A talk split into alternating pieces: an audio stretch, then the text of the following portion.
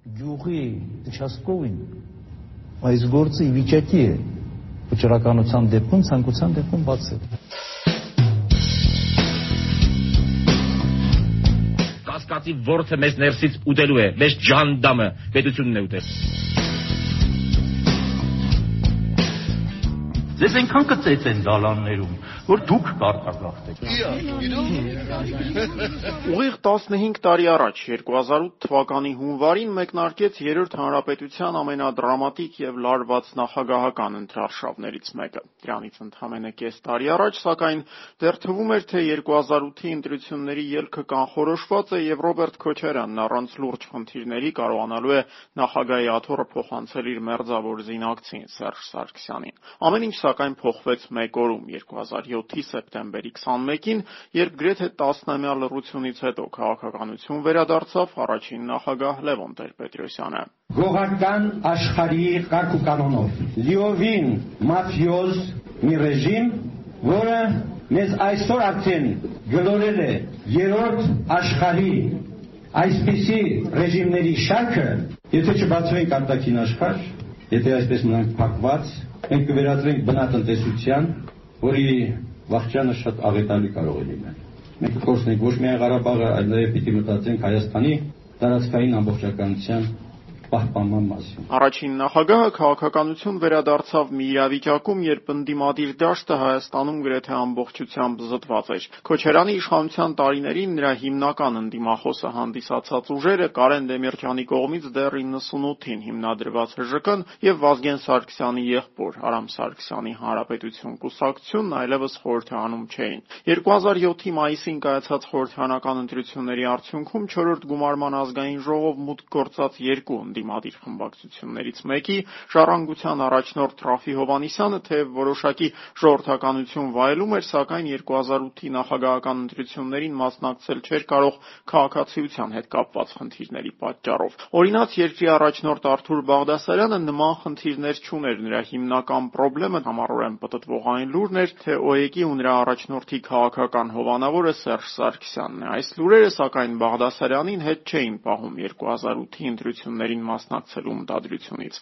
Ընդհանուր առմամբ պետք է նշել, որ նախագահական այդ մի ընտրություններին առաջադրվածների ցանկը բավական բազմազան էր։ Այն պահից, երբ կենտրոնական ընտրական հանձնաժողովում առարկություններ չեղան հանրապետության նախագահի որևէ տեխնացուի գրանցելու շուրջ, եւ հանձնաժողովը հատ-հատ որոշեց գրանցել առաջադրված բոլորին քաղաքացիներին, նրանք այլևս նախագահի տեխնացու են։ Արթուր Բաղդասարյան, օրինաց երկիր, Արտաշես Գեղամյան ազգային միաբանություն, Տիգրան Կարապետյան, ժողովրդական կուսակցություն,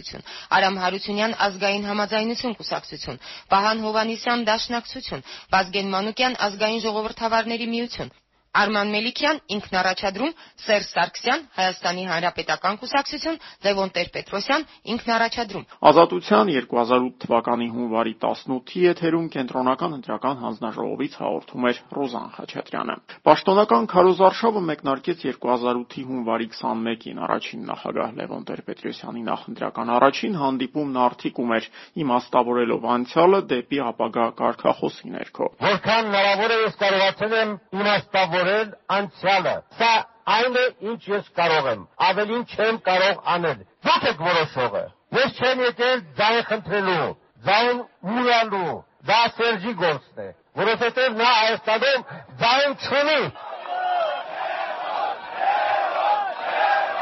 Ապարանում Տեր-Պետրոսյանը իր հանրահավաքն անցկացրեց Սերժ Սարգսյանի նախընտրական շտաբի դիմաց։ Փետրվարի 19-ին ոչ թե ես եմ հաղթելու, այլ դուք եք հաղթելու։ Մարդիկ Տեր-Պետրոսյանի այցելությամբ ակնհայտորեն հետաքրքրված էին։ Դուք ո՞նց եք վերաբերում Տեր-Պետրոսյանը 10 տարի չկար վերադարձ։ Ես մինակ գիտեմ, որ ունեցել ենք մեր պատմության մեջ մի հատ հաղթանակ տանող, այդ միայն Լևոն Տեր-Պետրոսյանն է։ Դուք ինչի եք եկել։ Ես պարաբե եկել եմ։ Այս մարդը ես չեմ հավատում, ես ընդ չեմ հավատա։ Լևոն Տեր-Պետրոսյանի առաջին նախընտրական հանդիպումներն Ազատության 2008 թվականի հունվարի 21-ի եթերում ներկայացնում էր Աստղիկ Պետևյանը։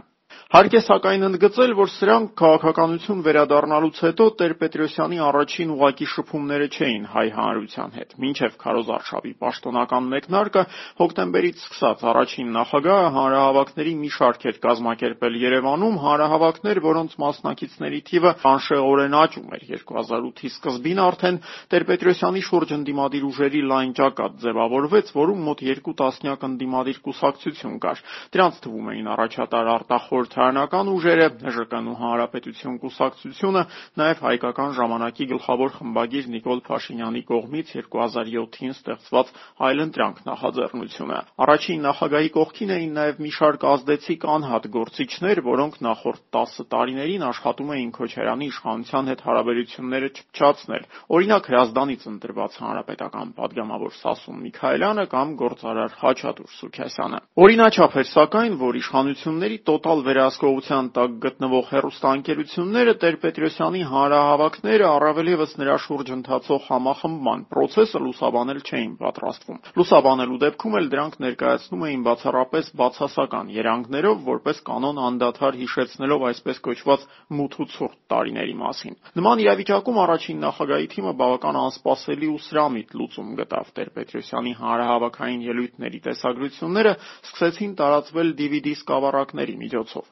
Հայաստանով մեկ տարածված տասնյակ, եթե ոչ 100 հազարավոր այդ սկավառակները 2007-2008 թվականների ձմռանը հնարավորություն տվեցին զգալիորեն չեզոքացնել պետական հակաքարոզչության ազդեցությունը, թույլ չտալով, որպեսզի իշխանությունները դեռ մինչև պաշտոնական քարոզարշավի մեկնարկը կարողանան վերջնականապես մշակել հանրային տրամադրությունները։ Իսկ երբ քարոզարշավը սկսելուն պես տեխնացուները նաև օրենքով սահմանված հեռուստատեսային եթերաժամն օգտագործելու հնարավորություն ստացան, Տեր-Պետրոսյանի եւ նրա թիմի վստահության աճը սկսեց երևալ անզեն աչքով։ Հաղթելու ենք Կարքախոսով ու Բեթհովենի ուրախության զոնով Լևոն Տեր-Պետրոսյանն այսօր եկավ Չարենցավան։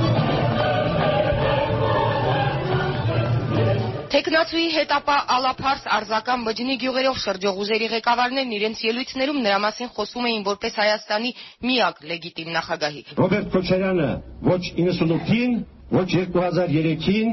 զուտ սահմանադրությամբ իրավունք չուներ դառնալու Հայաստանի Հանրապետության նախագահ։ Հետո Լևոն Տեր-Պետրոսյանն իր կողքին կանգնածների ճանաչած սեփականության մասին խոսեց, ակնարկելով, որ եթե ընդունեին իշխանության պատվերը քաղաքականությամբ չզբաղվել, կունենային եւ իր մասին։ Ընդամենը 6 ամիս առաջ Սերժ Սարգսյանի կողմից բազմաթիվ մարդկանց միջոցով ինձ առաջարկվել է դառնալ Մաշտոցի անվան մատեսադարանի տնորեն։ Դա ինձ համար շատ մեծ պատիվ կլիներ, բայց Սերժ Սարգսյանի նվիրած պատիվը ինձ համար թույն է։ Իդեպ Չարենցավանում, որպեսզի Սերժ Սարգսյանի մեծադիր պաստառի տակ չխոսի, բարձրախոսները տեղափոխվել էին քիչ այն կողմ, ծառերի մոտ։ Ես ցավում եմ, որ մեր հանրահավաքի կազմակերպիչները մի սխալ գործեցին։ Միկրոֆոնը այդ Արա Գեղեցիկի նկարի տակից տեղափոխեցին այստեղ։ Սերժ Սարգսյանն իհարկե Հայաստանի ամենախարիզմատիկ գործիչը չէր, սակայն մի հարցում Լևոն Տեր-Պետրոսյանին նա հաստատ գերազանցում էր՝ քարոզարշավին հատկացված ռեսուրսների չափով։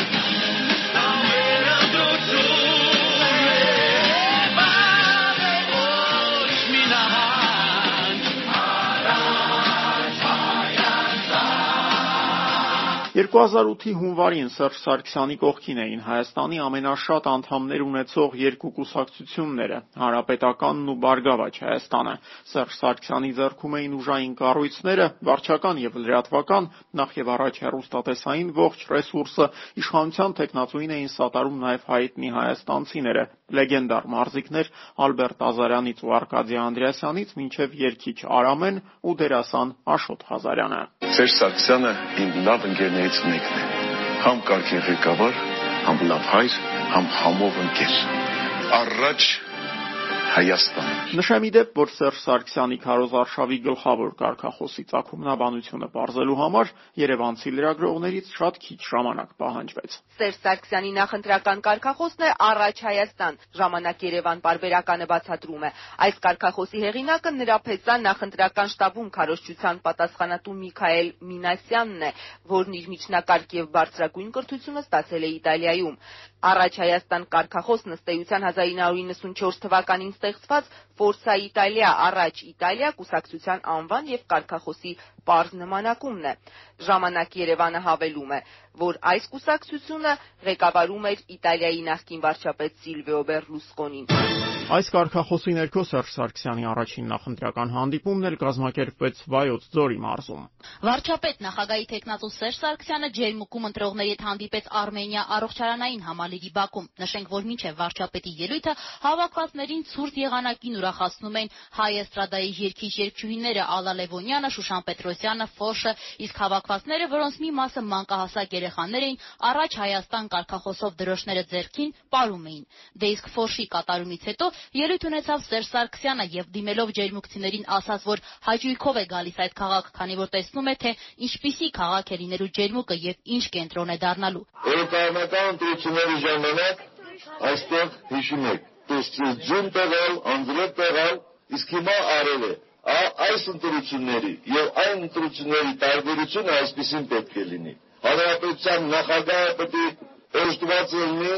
բոլորի արդար վստահությամբ։ Հանրապետության նախագահի լեզուն կներեք մետրկես պետք է լինի, որպեսզի նա կարողանա լուծել եւ ներքին խնդիրներ եւ արտաքին խնդիրներ։ Ազատության 2008-ի հունվարի 22-ի եթերում Սերժ Սարգսյանի նախընտրական հանդիպումները ներկայացնում էր Ռուզաննա Ստեփանյանը։ Առաջին Երևանյան հանրահավաքը Սերժ Սարգսյանի շտաբը կազմակերպեց հունվարի 25-ին։ Այս հանդիպումն ուշագրավ էր այնքանով, որ լրագրողներն առաջին անգամ մոտիկից կարողացան դիտարկել, թե ինչպես են կազմակերպվում իշխանության տեխնացուի նախընտրական հանդիպումները, երբ հավաքվածների մի զգալի մասը բյուջետային հիմնարկների աշխատակիցներ են։ Նախագահի տեխնացու վարչապետ Սերժ Սարգսյանն այսօր Նորքի 5-րդ զանգվածում ընտրողների հետ հանդիպեց Սուրբ Սարգիս եկեղեցու առջև, որտեղ նախապես բեմ է տեղադրվել եւ մինչեւ վարչապետի ելույթը հավաքվածներին ուրախացնում էին հայ էստրադայի երգիչ երգչուհիները։ Նշենք, որ նոր Նորքում վարչապետի հետ հանդիպմանը հիմնականում մասնակցում էին համայնքի դպրոցների, մանկապարտեզների ու նաեւ բուժ հիմնարկների աշխատողները։ Ներկա են նաև դպրոցահասակ երեխաներ, որոնց հատկապես ուրախացնում էին հայ էստրադայի երգիչ երգչուհիները, որոնց երգերը մերթ-ընդ-մերթ ընդհատվում էին հանրապետականի կարգախոսներով։ Հանդիպանը ներկա երեխաներից մի քանիսը, որոնք 4-5-րդ դասարանի աշակերտներ էին, Սերժ Սարգսյանի լուսանկարները ձեռքներին պարում էին։ Ինչ լուսանկար ձեռքին։ Շատ գիտես։ Ինչով է պատկերված այդ նկարը։ Սերժ Սարգսյանը։ Ո՞վ է ինքը։ Մեր Հայաստանի Հանրապետության բայց ճիշտ ասեմ մոռացել եմ։ Եթե մոռացել։ Երբեմն սակայն Սերժ Սարգսյանի նախընտրական հանդիպումները շեղվում էին նախապես գծված սցենարից, ինչպես օրինակ հունվարի 29-ին Արմավիրի մարզի գյուղերում։ Երբ Սերժ Սարգսյանն ավարտեց իր ելույթը խոստանալով, որ 2012 թվականին ժողովուրդը երկու անգամ ավելի լավ է ապրելու, 65-ամյա մի գյուղացի նրա ճանապարհը կտրեց ու ասաց, թե ինչպես է ժողովուրդը լավ ապրում, երբ ինքն ու իր ընտանիքը շատ վատ վիճակում են։ Բայց թորը չիմանա քաղաքն ինչա, մետրոն ինչա։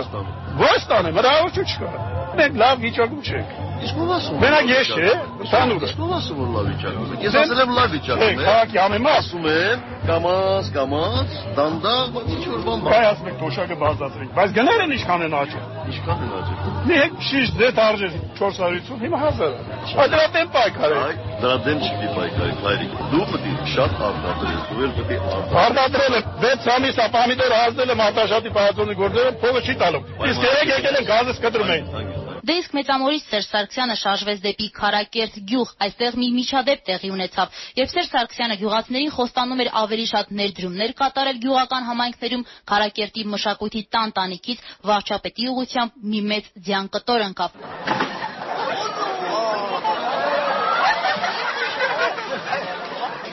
Ուրեմն եկեք պայմանավորվենք հետեւյալը։ Ես խոսում եմ երեխեք, հենց որ գալիս է ասում եք եկավ։ Չմոռանանք սակայն 2008 թվականի ընտրություններին մասնակցող մյուս տեխնացուներին եւս։ Նախագահական այդ մի քարոզարշավի ընթացքում ամենաերկիմաստ վիճակում էին Դաշնակցությունն ու Կուսակցության կողմից նախագահի պաշտոնում առաջադրված Վահան Հովանիսյանը։ 10 տարի Ռոբերտ Քոչարյանի գլխավոր քաղաքական հենարան հանդիսացած եւ Սերժ Սարգսյանի կառավարության կազմում 3 նախարարական պորտֆել ունեցող Դաշնակցությունը 2008-ին հանդես էր գալիս ընդդիմադիր դիրքերից, քննադատելով այն նույն քաղաքական կոալիցիային, որի հետ համագործակցության հուշագիր էր ստորագրել դրանից ընդամենը կես տարի առաջ։ Պակաս երկիմաստ չէր նաեւ աշխարհագրական այն կետը, որից մեկնարկեց 70 տարի հակասովետական ուժ որակված Դաշնակցության տեխնացուի նախընտրական արշավը։ Վահան Հովանիսյանը Սարգսյանը եւ նրան ուղեկցողները մեկնեցին սովետական գյուղ, որտեղ հանդիպումը ավելի շատ հարց ու պատասխանի բնույթ ուներ։ Գյուղի բնակիչների հիմնական մտահոգությունը ոչ միայն ռոռոկման համակարգն էր, ինչպես կարծում էր Թեկնածուն, այլև Մեծամորի ատոմականի ճառագայթումից առաջացած, ինչպես իրենք ասացին, կանանց եւ ծառերի անպտղությունը։ Անձորները տանձերը լրիվ չորացան ճառագայթումից։ Շուդա ստանց вообще գոյություն չունի, առաջ ինչ տանձեր կա շուդա, չէ՞։ Մի տեսնում եք շուկաներում տանձեր, չկա, вообще չկա, չէ՞։ Մարզկենտրոն Արմավիրում Դաշնակցության թեկնածուի հանդիպումը ընտրողների հետ նույնպես անցավ բաց երկնքի տակ, քանի որ քաղաքապետ Ռուբեն Խլղացյանը արգելել էր տրամադրել մշակույթի տունը, ինչի կապակցությամբ դաշնակցական պատգամավոր Արթուր Աղաբեկյանը հանրահավաքը սկսելուց առաջ դիմեց հավաքված արմավիրցիներին։ Պետք է մշակույթի տունը վերադարձվի ժողովրդին, որովհետև քաղաքապետը այն սեփականաշնորհել է։ Համաձայն եք իմ հետ։ Այնուհետև խոսեց Վահան Հովհաննիսյանը, ով ի թիվս այլ խնդիրների անդրադարձավ նաև հարցին, թե ինչու այսքան տարի իշխանության մաս կազմող Դաշնակցությունը մինչև հիմա չի արել այն, ինչ հիմա խոստանում է։ Խորհրդարանական կամ նախագահական ընտրություններից հետո Հայաստանում ստեղծվում է այնպիսի վիճակ, երբ իշխանության եկածները իրենց հաղթանակի համար պարտավոր են լինում ոչ թե ձեզ, այլ ինչ որ գողական կամ կիսագողական կլանների մեծահարուստների, որոնք ճնշելով, ճզմելով, խաբելով ու կաշառելով բերում են ձեր ձայները եւ մատուցում ափսեի վրա։ Այդ ափսեն մենք կկոտրենք։ Ազատության 2008 թվականի հունվարի 22-ի եթերում Վահան Հովանիսյանի նախընտրական հանդիպումների մասին պատմում էր Ռուբեն Մելոյանը։ Ի տարբերություն դաշնակցականների, օրինաց երկրի գործը 2008-ին շատ ավելի դյուրին էր։ Արթուր Բաղդասարյանն իշխանության ճամբարը լքել էր դեռ 2006-ի գարնանը, եւ նրա կուսակցությունը ընդդիմադիր դաշտում դիրքավորվելու բավարար ժամանակ էր ունեցել։ Կուսակցության կարգախոսներն էլ հիմնականում սոցիալական արդարության վերականգնման մասին էին։ Պոտենցիալ ընտրողների մեծամասնությունն էլ բնակվում էր մայրաքաղաքից դուրս։ Արթուր նախագահ բացականչություններով եւ ծափողջուններով դիմավորեցին նախագահի տեխնացուին։ Նաեւ հատուկ կարմիր բաճկոններ հակած երիտասարդներ։ Վրան գրված. «Իմ ձայնը Արթուր Բաղդասարյանին հանուն նոր Հայաստանի կարգախոսը»։ Ներկայացնելով նախընտրական ծրագիրը տեխնացուն հիմնական շեշտը դրեց արկա սոցիալական վիճակի վրա։ Ես եմ ուզում ապրել, ես համոզված եմ, որ մեր ժողովուրդը նույնպես չի ուզում ապրել այնպիսի Հայաստանում, որտեղ 930 հազար մարդ գործազուրկ է որտեղ 1 միլիոն մարդուց ավելի ապրում է աղքատության կամ ծառայ աղքատության պայմաններում։ Ես բոլորիդ հորդորում եմ ակտիվ մասնակցել ընտրությունների։ Անցել նրանք իմ հավատում եք, բայց կատարել սպրտի խրճի, ճիգարով ընտրություն։ Նախագահի տեխնացու Արթուր Բաղդասարյանի արդիկում 2008 թվականի հունվարի 22-ին կայացած նախընտրական հանդիպման մասին պատմում էր Սաթենիկ Գազմանցյանը։ Քարոզարշավի մեկնարկից մի քանի օր անց արդեն հստակ տեսանելի էր՝ ի տարբերություն Սերժ Սարգսյանի, Լևոն Տեր-Պետրոսյանի, Արթուր Բաղդասարյանի եւ Վահան Հովանիսյանի մյուս 5 տեխնացուների նախընտրական հանդիպումներն ու հավաքները մարդաշատ չեն եւ նրանք քվեների համար պայքարին գործնականում չեն մասնակցում։ Հունվարի վերջին օրերին զգալի էր, որ երկրորդ էշելոնի այս տեխնացուների հիմնական գործառույթը ոչ այնքան նախագահի աթոռի համար պայքարելն էր, որքան առաջատար ընդդիմադիր տեխնացուին Լևոն Տեր-Պետրոսյանին քննադատելը։ Հաշվարկն ըստ ամենայնի հետևյալն էր. Արտաշես Գեղամյանը, նախկին այմական Արամ Հարությունյանը, ՀԱԼՄ հերոստանգերության ղեկավար Տիգրան Կարապետյանը, Վազգեն Մանուկյանը առաջին նախագահին պետք է քննադատեին այն կոշտությամբ, որը հանդուրժողականության եւ լավ ընտրությունների անցկացման մասին խոսող Սերժ Սարգսյանն իրեն թույլ տալ չէր կարող։ Այլ հարց է, որ իշխանության տեխնացուի նյարդերը երկար չդիմացան, տեղի տալով քարոզարշավի արդեն 5-րդ օրը Երևանի կենտրոնի բնակիչների հետ հանդիպման հանդիպման ժամանակ։ Ընտրություններից հետո այդ մարդիկ պիտի պատասխան տան։ Դա չի նշանակում, որ զազրախոսողներին պիտի հավաքենք, տանենք սովետաշեն լցնենք։ Բայց ես կարծում եմ մենք այնպես պետք է անենք, որ ընտրության մտնոլորտը լինի լավ, որից հետո մենք զազրախոս սատանաների հագից բիդոն։ Այսօր այդ իրադարձություններից 15 տարի անց դժվար է ասել, թե Տեր-Պետրոսյանի կամ նրա թիմակիցների նախորդ օրերին հնչեցրած հայտարարություններից որ մեկն էր, որ Սերժ Սարգսյանին ստիպել էր փոխել տոնայնությունը։ Մեկ բան սակայն հաստատ կարող ենք արձանագրել։ Առաջին նախագահի թիմակիցների դեմ լայնածավալ ճնշումները սկիզբ առան Սերժ Սարգսյանի այս ելույթից հաշված ժամեր անց։ Առաջին դեպքը համեմատաբար անմեղ էր։ Հունվարի 27-ի գիշերը Վանաձորում անհայտ անձիկ փոկեցին Տեր-Պետրոսյանի շտաբի ցուցանակն ու տեխնացուի նախընտրական պաստառները։ Հաջորդ օրը հունվարի 28-ին փակվեց Հանրապետության հակառակ ծայրում Կապանում գործող Լևոն Տեր-Պետրոսյանի միակ նախընտրական շտաբը։ Նկատեմ, որ տեղացի բարձրաստիճան ոստիկանները ընդդիմադիրներին վտարելու համար անձամբ էին ժամանել այդ շտաբ։ Ուրեմն դիմել է ֆիզիկական ուժի ու դուրս են անում։ Պետքարտուք է եղել։ Այո, այո։ Ոստի ոստիկանների ոստիկանության մարզայի վարչության պետի տեղակալ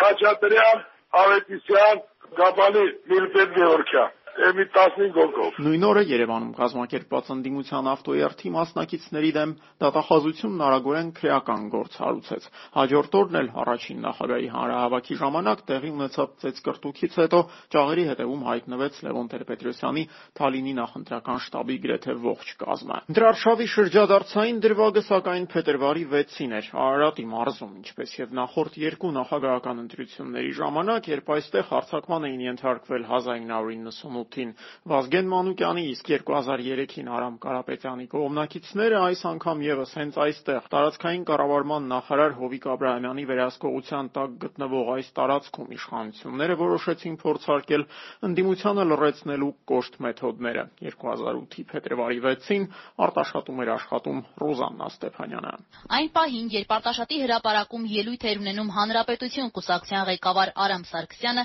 մի կին սկսեց բղավելով առաջ գալ, փորձել փորձելով խանգարել հանրահավաքը։ Սակայն Արամ Սարգսյանը հորդորեց բոլոր նրանց, ովքեր չեն կիսում իրենց տեսակետները, ուղակի չմասնակցել հանրահավաքին սակայն քիչ անց մի քանի երիտասարդներ սկսեցին քաշքշել հանրահավաքի մասնակիցներին, ապա նրանց վրա հող եւ սառույցի կտորներ նետեցին։ Երբ երիտասարդները մի փոքր հեռացան, նրանք սկսեցին հանրահավաքի մասնակիցների ուղությամբ քարեր նետել։ Մի քար էլ նետվեց դեպի բեմահարթակ, որտեղ կանգնած էր նաեւ նախագահի տեխնացու Լևոն Տեր-Պետրոսյանը։ Ողջ այս տեսկրտուքի ու քարեր նետելու ընթացքում որևէ ոստիկան չփորձեց կանխարգելիչ որևէ քայլ անել։ Հանրահավաքի մասնակիցները պարբերաբար բարձրախոսով կանչում էին ոստիկաններին հոր հորդորելով կարգ ու կանոն հաստատել, բայց ոչ մի ոստիկան հրապարակում չերևաց։ Տեսկրտուքը փորձեց կանխել Լևոն Տեր-Պետրոսյանը։ Մի համար դրացեք, հրացեք։ Մտքանի մոդը այսօր քրեական հոդված ստացավ։ Երբ տեսկրտուքը մի պահ հավարտվեց եւ Արամ Սարգսյանը կրկին փորձեց ելույթ ունենալ, հորդորելով ընտրակաշարք չվերցնել, նորից տեսկրտուք սկսվեց, ինչպես հետո պարզվեց, այս անգամ 7-8 հոգի հարձակվել էին Լևոն Տեր-Պետրոսյանի անվտանգության ծառայության պետի տեղակալ, պետական պահպանության ծառայության փոխգնդապետ Սարգիս Հովանեսյանի վրա եւ նրան մարմնական վնասվածքներ պատճառել գլխի շրջանում։ Տեսնելով այս տեսկրտուքը եւ ոստիկանների բացակայությունը Լևոն Տեր-Պետրոսյանը ուղակի հորդորեց Արարատի մարզպետ Ալիկ Սարգսյանին բարձրանալ բեմ եւ ելույթ ունենալ։ Նշենք, որ մարզպետը այդ ժամանակ կանգնած էր հանրապետական կուսակցության շտաբի մոտ։ Պարոն մարզպետ, դուք պատասխան եք տալու այս պրովոկացիայի համար։ Ճիշտ է։ Ուր է ձեր ոստիկանությունը։ Մարզպետ։ Ուր է ձեր ոստիկանությունը։ Լևոն Տեր-Պետրոսյանի հորդորներից հետո Արարատի մարզպետ Ալիկ Սարգսյանը բեմ բարձրացավ։ Սիրելի արտաշատցիներ, խնդրում եմ բոլորից գոնություն ցուցաբերեք։ Ոչ մի սադրանքի պրովոկացիայի ենթարկվել պետք չի։ Այսպիսի ցույցում իշխանությունների կողմից երբեք չի եղել, որ որևիցե մեկը փորձի հավաքվածներից ընդդիմանալ կամ որևիցե խոսք ասել։ Ուղղակի բոլոր իրավապահ մարմիններին հենց հիմա կոչ եմ անում։ Ես այս պահին որևիցե կաշկշուկ չեմ տեսնում եւ չեմ էլ տեսել։ Չեմ տեսել, ընդամենը մի կնոջ են։ Մի րոպե, կարգել։ Ես հիմա ինքս հետևելու եմ ուղղակի այստեղից։ Ես ինքս տայում եմ ցանկացած քաշշուկի դեպքում, հիմա ես անձնապես պատասխանատվություն եմ կրում։ Դուք պարտավոր եք պաշտպանել այս հանրահավաքը։ Դուք դա չեք արել ես ամբողջությամբ պատասխանատվություն եմ կրում։ Այսօրվա հանրավաճառում հենց այս պահից եւ դրանից առաջել եմ կրել։ Հավելենք, որ ավելի ուշ Լևոն Տեր-Պետրոսյանի նախընտրական շտաբը հաղորդագրություն է տարածել, որտեղ նշված է, որ արտաշատում հանրահավաքի մասնակիցների վրա քարերն է տած, ինչպես նաեւ Լևոն Տեր-Պետրոսյանի թիկնապային ծեծի ենթարկած անձինք գործել են տարածքային կառավարման նախարար Հովիկ Աբ รา համյանի եղբոր ազգային ժողովի падգամավոր Ջոնիկ Աբ รา համյանի որդու գլխավորությամբ։ Արարատի մարզպետ Ալիք Սարգսյանի պահվածքը կարող էր դառնալ դառնալ հայաստանյան իշխանությունների այդ օրերի շփոթվածության խորհրդանիշերից մեկը։ Իշխանության ներսում տիրող նման տրամադրություններն ինչ որտեղ հասկանալի էին։ Չնայած լայնածավալ հակակարողությունությանը, ծախսվող հսկայական գումարներին, կասկածելի սոցհարցումներին, որոնց համաձայն Տեր-Պետրոսյանը լավագույն դեպքում երրորդ տեղում էր, առաջին նախագահի հանդիպումները գնալով ավելի մարդաշատ էին դառնում, դրանցում տիրող մթնոլորտն էլ ավելի ու ավելի վճռական։ Իշխանություններին ըստ ամենայնի մտահոգում էր նաև այն հանգամանքը, որ իր ելույթներում Տեր-Պետրոսյանն ուղղակիորեն սկսել էր դիմել հայաստանցի մեծահարուստներին, ակնարկելով, որ իշխանափոխությունից վախենալ պետք չէ։ Առաջին նախագահի համոզմամբ այդ Սերժ Սարգսյանի հաղթանակի դեպքում է, որ օլիգարխներին ունեզրկման իրական վտանգ է սպառնալու։ Դա էլ է խլելու նրանցից։ Գագիկ Ծառուկյանը թող հասկանա, 10 տարի հետո նա բոմժ է լինելու։ Բոլորը թող հասկանան։ Նեմեծ Ռուբոն թող հասկանա։ Լեփիկ Սամոն թող հասկանա։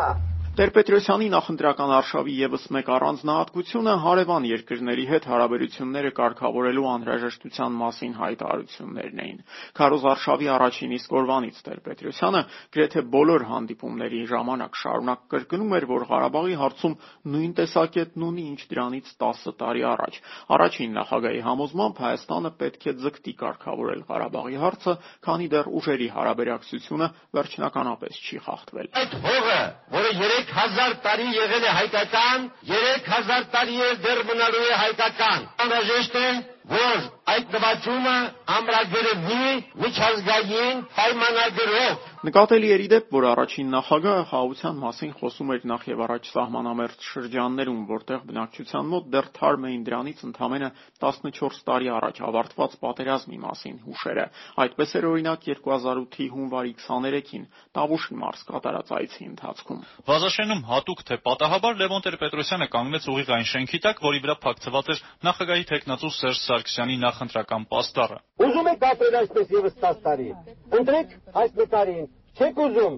Մենք գալիս ենք ինչ-որ մի բան փոխելու։ Ես չեմ ասում հրաշքներ եմ գործելու։ Այգեհովիտ գյուղում մի բնակիչ ելույթի հնարավորություն խնդրեց եւ դիմեց առաջին նախագահին։ Դու իմ նստուտ թվին, կներեք։ Մե բարբարո եմ ասում։ Ինչպես փուքսը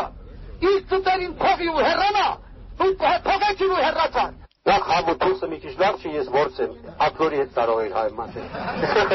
Ուրեմն ինչի գնացի, շատերին թվում է, որ Ղարաբաղում տարիներ ոչինչ չզիջեն, ոչ մի փոխիջման չգնան, ասել մենք մեր հարցերը լուծել ենք, գնացեք դուք հիմա ձեր հարցերը լուծեք։ Բայց դա դիմաց մենք ինչ ստացանք։ Ստացանք անհերանեկար մի երկիր, Իսկ երբ ընտրողներից մեկը հարցրեց, թե ինչ մաղարիչ կանեք, որ ձեզ ընտրենք, Լևոն Տեր-Պետրոսյանն ասաց, որ առաջին մաղարիչը խաղաղությունը կլինի։ Լևոն Տեր-Պետրոսյանի Տավուշյան հանդիպումների մասին Ազատության եթերում պատմում էր Հովանես Շոյկյանը։ Ընդդիմության առաջնորդի կողմից հնչեցվող խաղաղության կոչերն իշխանության ներկայացուցիչներին նյարդայնացնում էին այն աստիճան, որ Քարոզ Արշավի մեկնարկից մեկ շաբաթ անց դրանց հարկ համարեց անդրադառնալ ընտրարշավում ֆորմալ ներգրավվածություն չունեցող պաշտոնից հեռացող նախագահ Ռոբերտ Քոչարյանը Բաղդասարյանը հունվարի 26-ին հեռարձակված հարցազրույցում նա պնդում էր, թե ընտրություններում հաղթելու դեպքում Տեր-Պետրոսյանը մեջբերում քիրվայություն կանի Ադրբեջանի հետ։ Նախագահը պետք է ծառայի ազգային շահերի համար։ Հայաստանի Հանրապետության համար, ոչ թե հարևանների շահերի համար եւ սեփական արժանապատվության հաշվին։ Քոչարյանի այս հայտարարությանը Տեր-Պետրոսյանը հակադարձեց մեկ այլ սահմանամերձ շրջանում՝ Վարդենիսում։ Եթե ինքը ժողովուրդների համագործակցությունը, բարի դրացիականությունը հասկանում է որպես ճիվայություն, դա իր կուլտուրայի, իր հոգու արտահայտությունն է, ուրիշ ոչինչ։ Փետրվարի 19-ին նշանակված ընտրություններից մոտ երկու շաբաթ առաջ զգացվում էր իշխանությունները ընտրարշավի եզրափակիչ փուլում հիմնական հույսը դնելու են վարչական ռեսուրսի վրա, փորձելով դրա հաշվին մեծացնել սեփական հավաքների մասնակիցների թիվը եւ նվազեցնել ընդդիմության առաջնորդի հետ հանդիպման գնացողներինը։ Այսօր Ալավերդիում քաղաքի երկու հիմնական հատվածներն իրար միացնող ճոպանուղին աշխատում էր նաեւ արտաժամյա ընդմիջման ժամերին։ Անվճար ավտոբուսներ էին աշխատում, անվճար էր նաեւ քաղաքի ամենախոշոր տաքսի ծառայությունը, որի մասնակի սեփականատերը Հայաստանի սոցիալական ապահովության հիմնադրամի տնօրեն Վազգեն Խաչիկյանն է։ Հիշեցնեմ, որ փետրվարի 1-ին, երբ նախագահի տեխնացու Լևոն Տեր-Պետրոսյանն էր ժամանել Ալավերդի, դադարեցվել էր ոչ միայն ճոպանուղու ավտոբուսների ու միկրոավտոբուսների, այլ նաև տաքսի ծառայությունների աշխատանքը։ Առավոտյան ժամը 10-ից հրապարակում Սերժ Սարգսյանին էին սպասում բազմաթիվ դպրոցականներ, ուսուցիչներ եւ այլ կոլեկտիվների անդամներ։ Ժամը 10-ին պայմանավորվել էինք, որ ամբողջ խմբով գանք ստեղ։ Բադասերը Ազատել են մեզ ծրախաթեր։ Այդ հիմա ձեր շեֆերը ասել են, որ այսօր գաք հանրավայքի։ Դե մի օր ասեմ մենք երխոդով ենք եկել, դա սազական չի լինելի, բա դե որ ասել են մենք էլ եկել ենք։ Ազատության 2008 թվականի փետրվարի 8-ի եթերում Լոռու մարզից հաղորդում էր Կարինե Սիմոնյանը։ Ընտրություններից մոտ 1 շաբաթ առաջ Քարոզարշավում անսպասելի մի շրջադարձ տեղի ունեցավ։ Փետրվարի 11-ին Տեր-Պետրոսյանի շտաբը դիմեց սահմանադրական դատարան, պահանջելով, որպեսզի այն իշխանությունների կողմից ընդդիմադիր տեխնացուի դեմ ձեռնարկվող քայլերը անհաղթահարելի խոչընդոտ ճանաչի։ Ահա թե ինչպես էր այդ քայլը բացատրում Տեր-Պետրոսյանի նախընտրական շտաբի ղեկավար Ալեքսանդր Արզումանյանը։ Տեխնացուներից մեկը հայտնվել է այնպիսի մի իրավիճակում, որ իրենից անկախ պատճառներով չի կարողանում մյուս տեխնացուների հետ հավասար պայմաններով նախընտրական քարոզչություն իրականացնել այն է հաղթարարել իր նկատմամբ կիրառված նախադեպը չունեցող պետական հակակարողության հետևանքները։ Եթե սահմանադրական դատարանը խոչընդոտները անհաղթահարելի ճանաչի, ընտրությունները երկու շաբաթով հետաձգվում են, դա ձեռնտու է։ Ցանկացած բան, ինչ ուղղված է լինելու օրինականության վերականգնմանը այդ երկրում, ձեռնտու է։ Այդ դեպքում հույս ունեք, որ այդ երկու շաբաթվա ընթացքում խոչընդոտները հաղթահարելի կդառնան, այսինքն կվերացվեն, եթե ոչ 40 օր անց նոր ընտրություն ընտրություն պիտի նշանակվի։ Թողնենք սահմանադրական դատարանին, տեսնենք։ Ինչպես եւ կարելի էր ենթադրել, սահմանադրական դատարանը Տեր-Պետրոսյանի շտաբի դիմումը մերժեց իշխանություններին մոտ կանգնած որոշ շրջանակներ, այդ օրին պնդում էին, թե Տեր-Պետրոսյանը մտադիրել չէ մասնակցել ընտրություններին եւ սահմանադրական դատարան դիմումի մերժումը կօգտագործի ինքնաբացարկի համար։ Ոմանք նույնիսկ պնդում էին, թե առաջին նախագահի համար 2008-ի քարոզարշավը զուտ քաղաքականություն վերադառնալու հարթակ էր։ Այս լուրերը սակայն արագորեն հերկ ստեղծվեցին։ Տեր-Պետրոսյանը ոչ միայն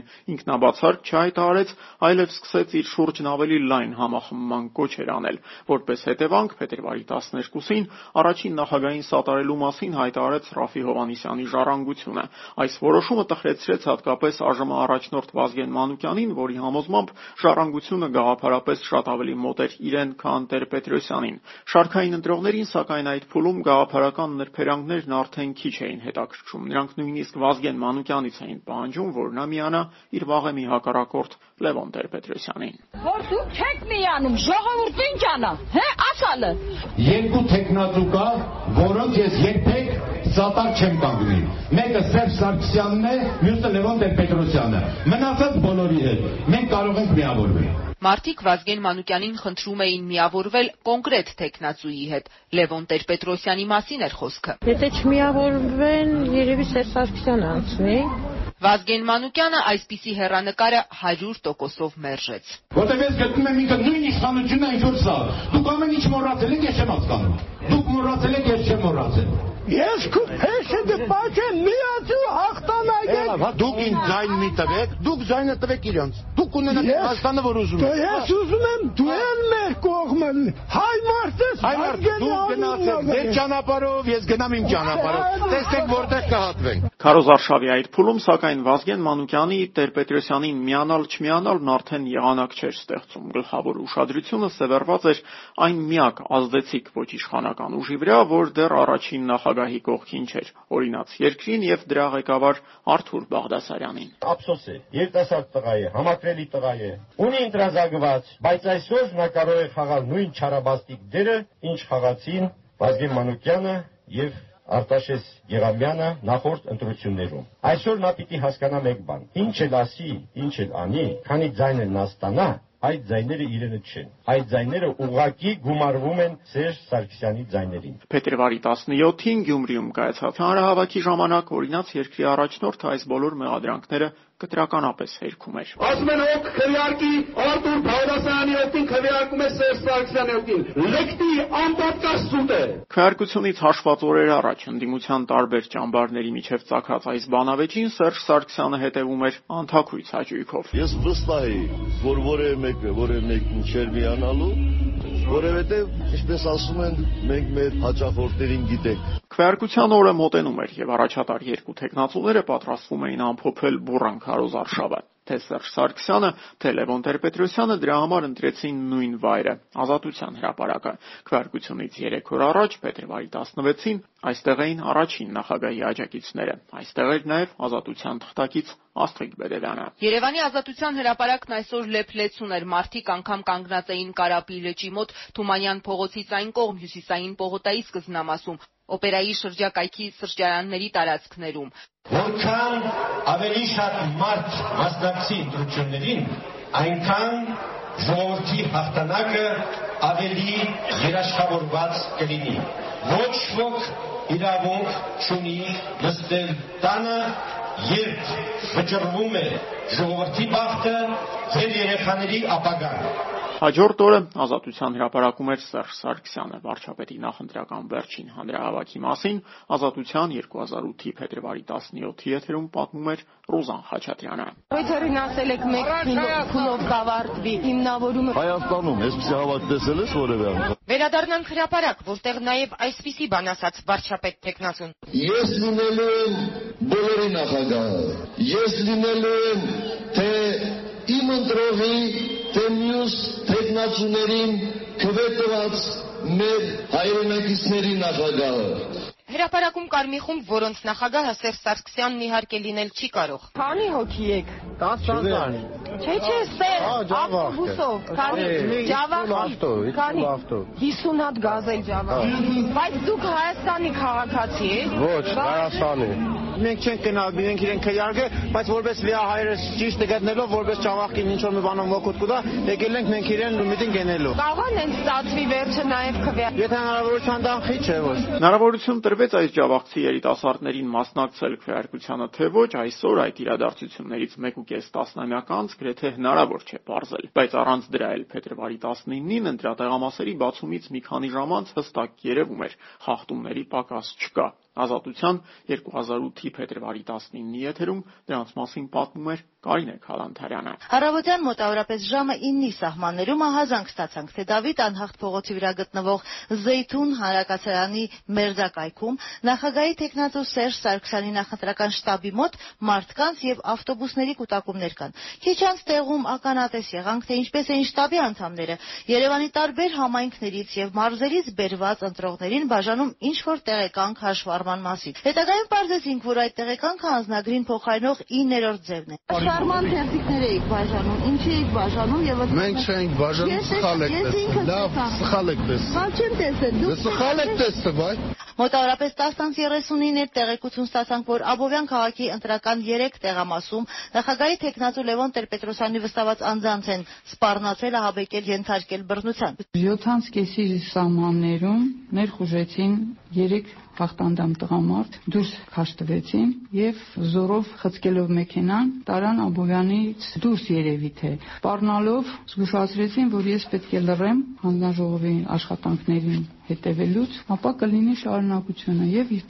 ենթարկեցին ցեցի։ Այո, այդ երեքից մեկին ես ճանաչում եմ Էդիկ Բաբայաններ, Գագիկ Ծառոկյանի քնապում։ Օրվա երկրորդ կեսին էլ հազանգ ստացանք, որ Էրեբունի համայնքի թիվ 13 կոտորակ 16 ընտրատեղամասում բռնություն է գործադրվել ազգային ժողովի падգամավորներ Ժառանգություն խմբակցության անդամներ Արմեն Մարտիրոսյանի, Զարուհի Փոստանջյանի եւ Հայկական ժամանակ օրաթերթի լրագրող Լուսինե Բարսեղյանի նկատմամբ։ Տեղամասում լցոնման փորձ է եղել, ինչը նկատել են հանձնաժ ժողովի անդամները։ Պատգամավորը եւ հայկական ժամանակի թղթակիցը փորձել են ֆիքսել, որ կոպիտ խախտում է տեղի ունեցել։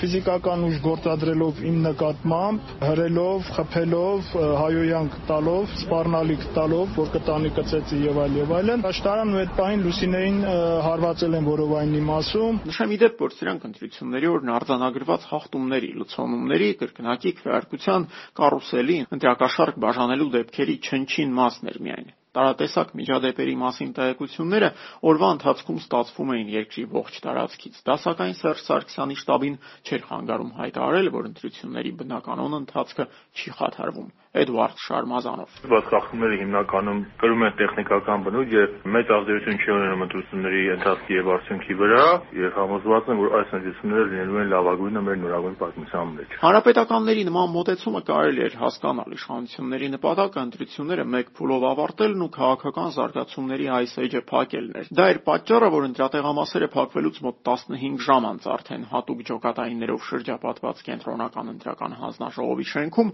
հրապարակվեցին ընտրությունների նախնական արդյունքները։ Դրանց համաձայն Սերժ Սարգսյանը հաղթում էր առաջին փուլում քվեների ավելի քան 52%-ով։ Լևոն Տեր-Պետրոսյանն ըստ պաշտոնական տվյալների երկրորդ տեղում էր քվեների 21%-ով, Արթուր Բաղդասարյանն էլ երրորդն էր 16% ձայներով։ Տոտալ ընտրախախտումների եւ կենտրոնական ընտրական հանձնաժողովի ակնհայտ շտապողականության պայմաններում քվեների իրական հարաբերակցության մասին կարելի էր միայն ենթադրել։ Ընտրություններից օրեր անց օրինակ Երևանում Միացյալ Նահանգների ժամանակավոր հավատարմատար Ջոզեֆ Փենինգտոնը Վաշինգտոն ուղարկված գաղտնի գրության մեջ, որն ի դեպ գաղտնազերծվեց միայն 2011-ին WikiLeaks-ի բացահայտումների շրջանակներում գրում էր. Կասկած չկա, որ Տեր-Պետրոսյանի փետրվարի 19-ին ստացած քվեների քանակը անհամեմատ ավելի բարձր էր պաշտոնական 21.5%-ից կամ 350 հազար քվեից։ Մեր կանխատեսումների համաձայն Տեր-Պետրոսյանի ցուցանիշն իրականում տատանվում էր 30-ից 35%-ի միջակայքում, ինչը մոտավորապես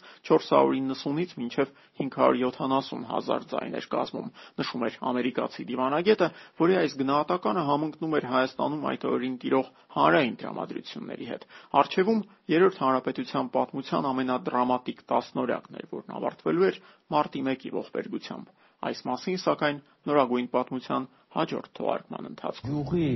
Չասկովին այս գործը ի վիճակի է վճռականության դեպքում, ցանկության դեպքում բացել։ կասկածի ворթը մեզ ներսից ուտելու է, մեզ ջանդամը պետությունն է ուտել։ Ձեզ այնքան կծեց են դալաններում, որ դուք կարտագաղթեք։ Իա, իրո՞ք։